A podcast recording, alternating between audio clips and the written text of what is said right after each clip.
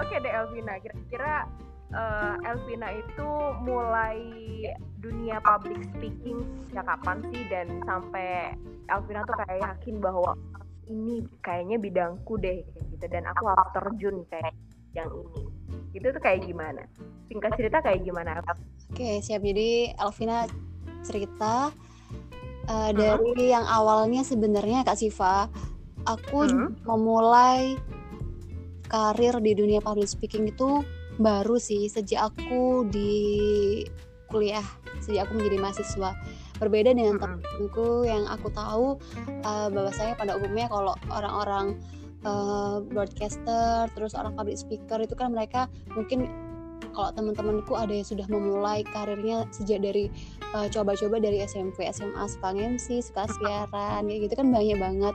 Nah kalau aku nih bener baru mau terjun dan mencoba itu ketika aku menjadi mahasiswa. Karena Kak Siva sebelumnya uh, sebenarnya juga dulu waktu SMA sih waktu aku masih di SMA tuh belum ada rasa keinginan maksudnya langsung pandangannya tertuju pada aku pengen jadi presenter aku mau jadi seorang MC speaker gitu enggak. Karena aku dulu di SMA itu masih aktifnya di dunia PMR kan di kesehatan dan kalau di lulus SMA dulu yang pengen tak kejar dulu sebenarnya aku pengen sekolah gizi pada saat itu pengen jadi konsultan gizi pada saat itu.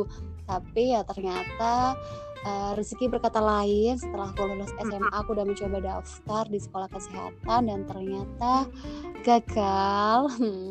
Kan gagal. Artinya bukan kali ya. Dan Allah memberi saya rezeki yang lain dan aku keterima undangan di jurusan komunikasi penyiaran Islam di UIN Sunan Ampel Surabaya. Ya sempat ada rasa galau sih kak waktu jadi masa baru itu uh, gelisah sedih karena apa yang aku pengen belum bisa tercapai. Tapi ya gimana lagi berpikir mungkin memang ini rezekinya. Kita nggak pernah tahu apa sih yang akan kita dapetin setelah ini kalau kita mau ikhlas ya mau bersyukur dari semua kejadian itu. Iya. nah terus uh, pasti lebih indah gitu ya Vina hmm, karena memang sebenarnya Tuhan itu memberikan kita apa yang kita butuhkan sih bukan apa yang kita inginkan. Ya, karena pada kenyataannya meskipun aku nggak sekolah gizi aku sekarang jadi presenter MC juga kerjaannya kan ke mana-mana kan juga nggak berhenti di satu tempat bisa ke mana-mana terus juga kegiatannya ngomong gitu kan. Terus uh, karir yang pertama kali maksudnya kerja pertama kali yang dimiliki oleh Elvina itu langsung terjun di dunia televisi atau pernah jadi penyiar radio gimana?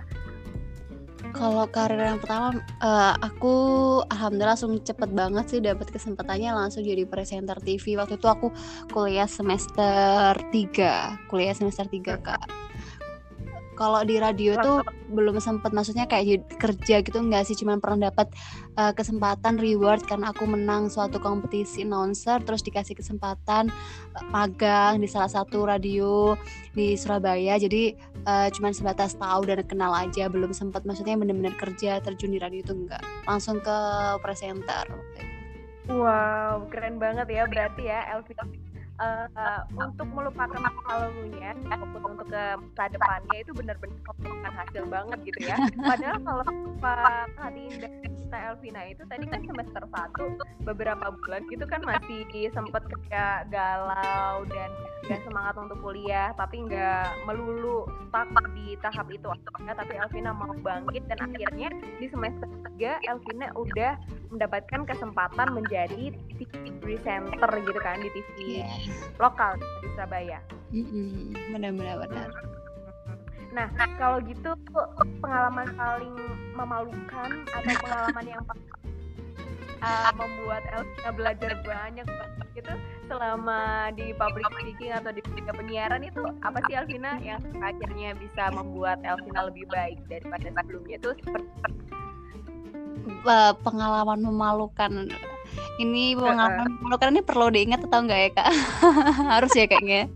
Buat motivasi diri. kan, pernah sih uh, macam-macam gitu ya. Kalau Siva tuh ada sampai dipermaluin itu kan gara-gara uh, ngomong atau lupa teks lupa skrip okay. gitu kan.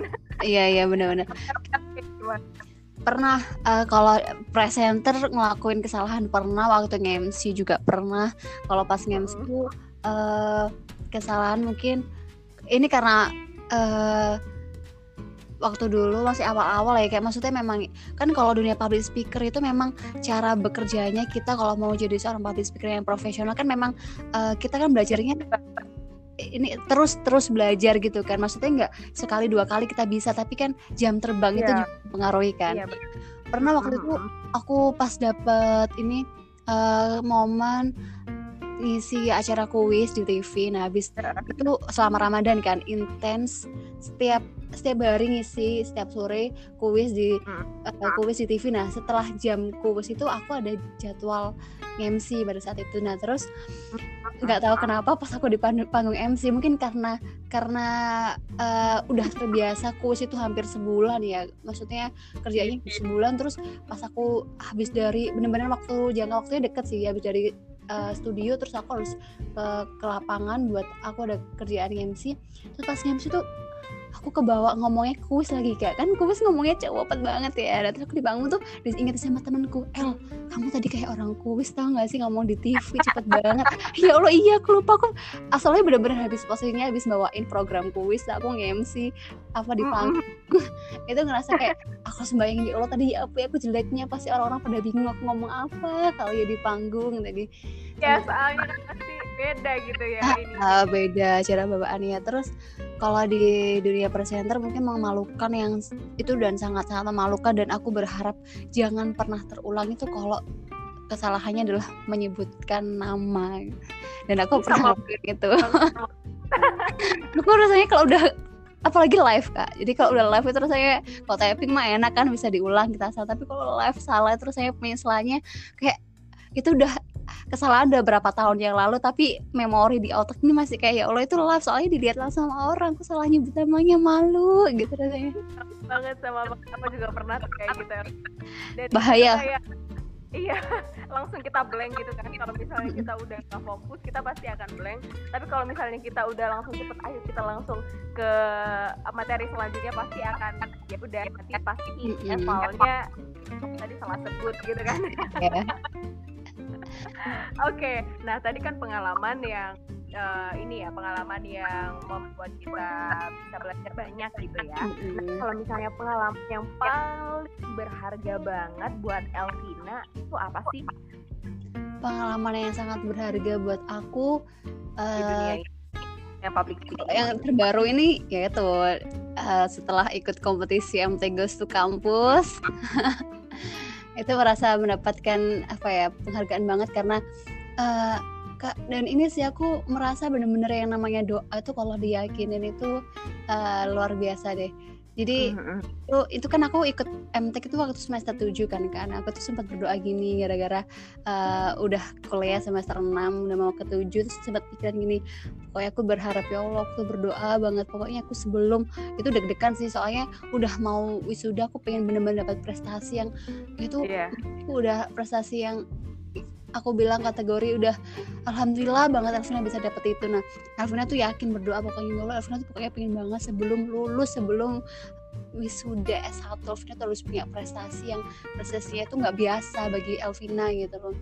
Dan bagi orang tua Elvina tuh prestasi yang luar biasa. Aku berdoa seperti itu dan aku ngeyakinin dan uh, dan ikut EGTC nggak cuma sekali itu sebelumnya juga ikut kangen di Surabaya kak. Terus nggak dapet terus nggak nggak ya? Rezekinya uh, terus apa pas di Jogja itu semangat juga karena ada bintang tamu keren karena juga sihat terus aku juga senang kalau main ke Jogja jadi sempat mikir ya udahlah niatnya have fun aja lah senang-senang mau ke sana sekalian belajar terus ketemu hmm. idola juga kan hmm. ya tapi alhamdulillah rezeki nggak ke mana lagi dan aku bisa dapetin apa yang aku mau aku berlomba-lomba gitu kan tapi nggak pernah nampak sekali dari awal sampai akhir nggak pernah nggak pernah lulus oke okay. apa EGT sih juga? Iya, banyak sih kan dulu sih ya kan ada kompas Kompas, SCTV. Iya, iya. Kan? Banyak banget. Oke, okay, nah selanjutnya nih, uh, target dicapai public speaking apakah Elvina target public ini ini pengen jadi presenter nasional atau iya udah dijawab tuh sama Kak Siva Udah dijawab sendiri sama Kak Shiva loh. Nasional. Jadi uh, meskipun sekarang aku maksudnya uh, udah nikah juga kan di di S1 ini belum selesai juga masih proses tapi kalau di dunia public speaking yang bener-bener aku masih harapkan untuk sekarang ini aku pengen bisa jadi presenter di salah satu TV nasional itu sih. Amin ya, semoga terbukti. Amin. Kira ini tuh kayak Amin. biasanya kalau gitu udah ya udah udah ah gitu. Kayaknya udah berkarirnya di dunia berkarirnya di dunia ngertiin lagi tapi ternyata masih mempunyai target uh, target yang di dunia Iya targetnya belum tercapai dan ya Bismillah semoga ada aja lah jalannya. Kalau emang rezeki ya kayak ya. Kan kita percaya ada masih iya. Yang penting hidupnya masih punya harapan lah. Bener banget. Nggak mimpi. Yang terakhir nih Elvin. Tips untuk teman-teman yang pengen belajar public speaking tuh seperti apa sih? Biasanya orang-orang tuh kayak ih kenapa itu orang uh, ngomongnya lancar banget terus pede untuk jadi presenter untuk jadi penyiar. Nah kira-kira untuk memulainya tuh jadi penyiar. Nah kira-kira untuk memulainya tuh mungkin Elvina punya oke okay, jadi kalau tips buat uh, suka dan senang belajar public speaking sebenarnya kita harus yakinin dulu bahwasanya uh, kita ini hidup di dunia. Apa pun pekerjaan kita apa pun profesi kita yang namanya public speaking itu penting ya kan? Jadi nggak harus kita belajar public speaking itu buat orang-orang yang belajar pengen jadi presenter, MC, terus penyiar radio dan lain sebagainya. Kita punya cita-cita jadi dosen, dokter, penulis. Mm -mm. Itu kita harus punya loh ilmu public speaking ya kan kak. Karena contohnya gini, kalau kita pun jadi seorang penulis ya, kita suka nulis, tapi kita mikir ilmu public speaking itu nggak penting loh. Kata siapa? Nanti ya suatu saat ya, ketika kita launching buku yang kita tulis ya, terus kita ditanya nih sama audiens kita di mana sih letak eh, kata-kata yang paling menarik dari karangan buku Anda yeah. dari tulisan buku Anda dan itu ada yeah. di halaman berapa. Ketika ada audiens tanya gitu terus dia nggak punya ilmu public speaking, dia cuma jawab asal nggak tahu. Lihat aja sendiri kan orang dengernya juga nggak enak kan kak. Nah maka dari itu Alvina sih selalu ikutin teman-teman semua uh, buat il belajar ilmu public speaking itu penting. Nggak menuntut kalian yang mau terjun di dunia public speaker atau broadcaster kalian mau nggak mau harus semangat belajar itu karena ini penting karena uh, apa pun yang kita lakukan pasti berhubungan sama public speaking gitu loh. Mm-hmm. itu bisa di dari kalau anak mahasiswa sih uh, kadang uh, berpikir untuk memulainya dari mana sih? Iya. bisa aja sih kalian dari kalau kita anak mahasiswa kan biasa suka presentasi. Nah itu dilatih aja sih gimana caranya kalau presentasi nggak salah presentasi tapi ada persiapan. Terus yang kedua adalah link karena link itu penting. Jadi kalau memang suka ya kita harus cari lingkungan yang bisa mendukung kita. Kita ikut sekolah public speaking hmm. terus cari organisasi kegiatan-kegiatan yang berhubungan dengan itu. Sehingga kita bisa tahu uh, gimana sih cara kita untuk bisa ngomong yang benar yang baik. Dan kalau kita berkumpul dengan orang-orang yang sesuai dengan bidangnya seperti itu kan akhirnya bisa tahu dikoreksi. Oh kamu ngomongnya jangan kayak gini intonasinya harus kayak gini artikulasinya gini. Kan bisa uh, maksudnya bisa ada yang membantu kita untuk belajar hmm. seperti itu. Terus juga uh, jangan ada apa ya pesimis buat teman-teman yang uh, harapannya pengen jadi presenter atau penyiar. Terus dia kadang kan banyak tuh pertanyaan kak suara aku tuh nggak enak loh cemper dan sebagainya. Aku nggak kepengen tapi gimana ya malu sama suaraku sendiri. Loh hmm. sekarang udah bukan zamannya loh kayak jadi presenter atau penyiar tuh yang dicari suaranya enak-enak doang. Tapi yang ya mungkin kalau sekarang kan lebih kayak berkarakter dan ya. dia paham cara ngomong yang benar dan baik jadi bener. buat teman-teman semua nggak harus jangan apa ya jangan mengecewakan dirinya sendiri pesimis sama dirinya harus optimis yang penting tuh mau belajar semangat belajar kayak gitu sih kan.